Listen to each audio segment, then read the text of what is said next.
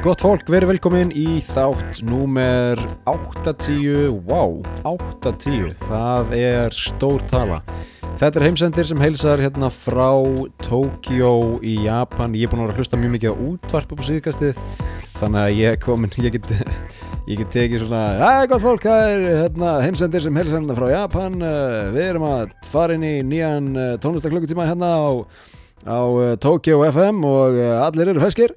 Uh, hvað segir þú Pétur? Já, ég segi bara fínt. Frábært Pétur, það er flott.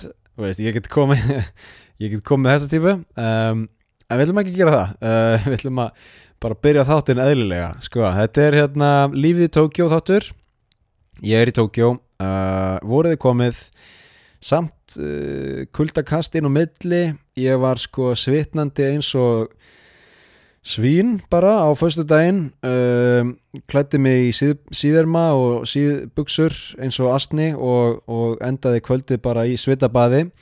Uh, en svo komið kuldakast núna og, og hérna, skíjað og eitthvað svona þannig ég er alveg komið kvef líka.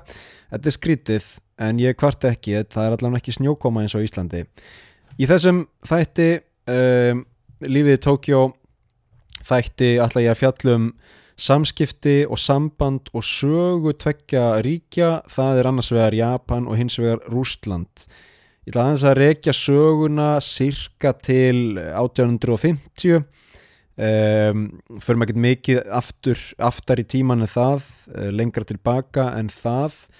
Uh, ég ætla aðeins að skoða samband og samskipti þessara landa í nútímanum og hvernig þetta svona blasir við hvernig heimsmyndin blasir við Japunum uh, þegar maður setur inn uh, breytuna Rúsland um, við byrjum eins og við byrjum alltaf staðsetjum okkur aðeins um, það er bara fínt sko, lífið er bara gott og og hérna ég er að leika í róka á hleypidómum og ég er svona farin að tala með svolítið breskum hreim um, ef ég tek eins og eina línu úr úr leikritinu þá erum við að tala um til dæmis um, Miss Bennett I wondered if you felt an inclination to dance.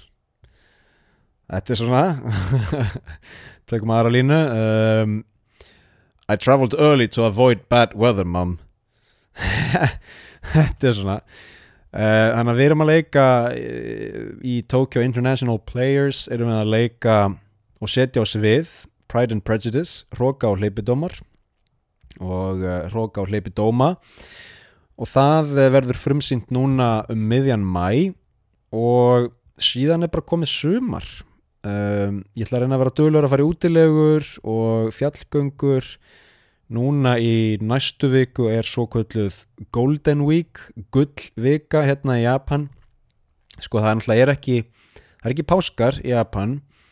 Það er ekki jól heldur um, eð, eðlilega eru kristnar hátíðir og, og hérna, helgidagar ekki, ekki helgidagar hér en þess í stað koma vikur inn á milli eins og gullvikan, Golden Week sem er basically bara japanska ríkistjórnin að segja hörru þeir eru búin að vinna yfir ykkur, farið í frí.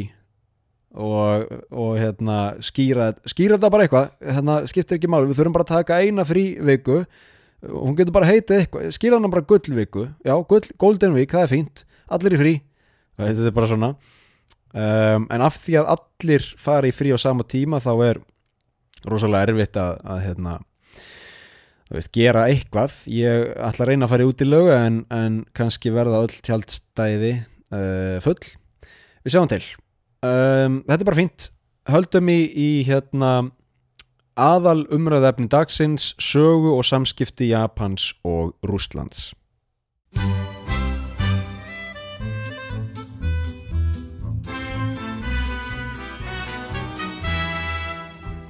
Rústland er stærsta land í heimi. Japan er Kæri hlustandi